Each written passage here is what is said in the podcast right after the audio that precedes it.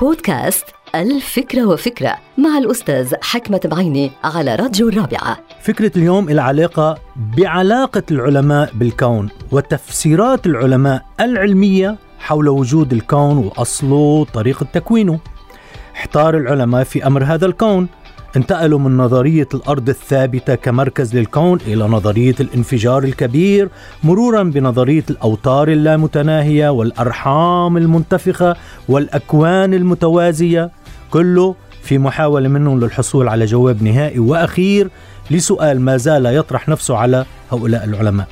يعني السؤال هو لماذا هذا الكون ومن أين بدأ؟ احتار العلماء بنظرياتهم المتنوعة وحيرونا معهم وآخر تلك النظريات هي نظرية الأكوان المتوازية.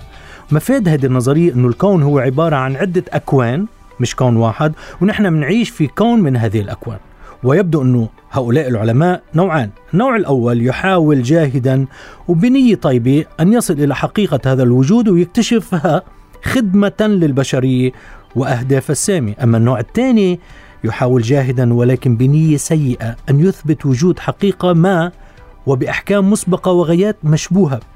بالحالتين يتخبط العلماء بتفسيرات متنوعة متناقضة وغير مثبتة علميا أو منطقيا.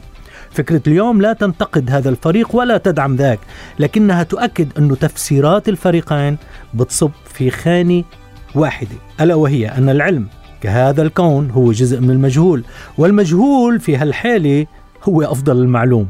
نعم المجهول المعلوم في هذه الحالة هو الجواب النهائي والأخير على تفسيرات علمية متناقضة. هذه الحلقة مقتبسة من كتاب الفكرة وفكرة.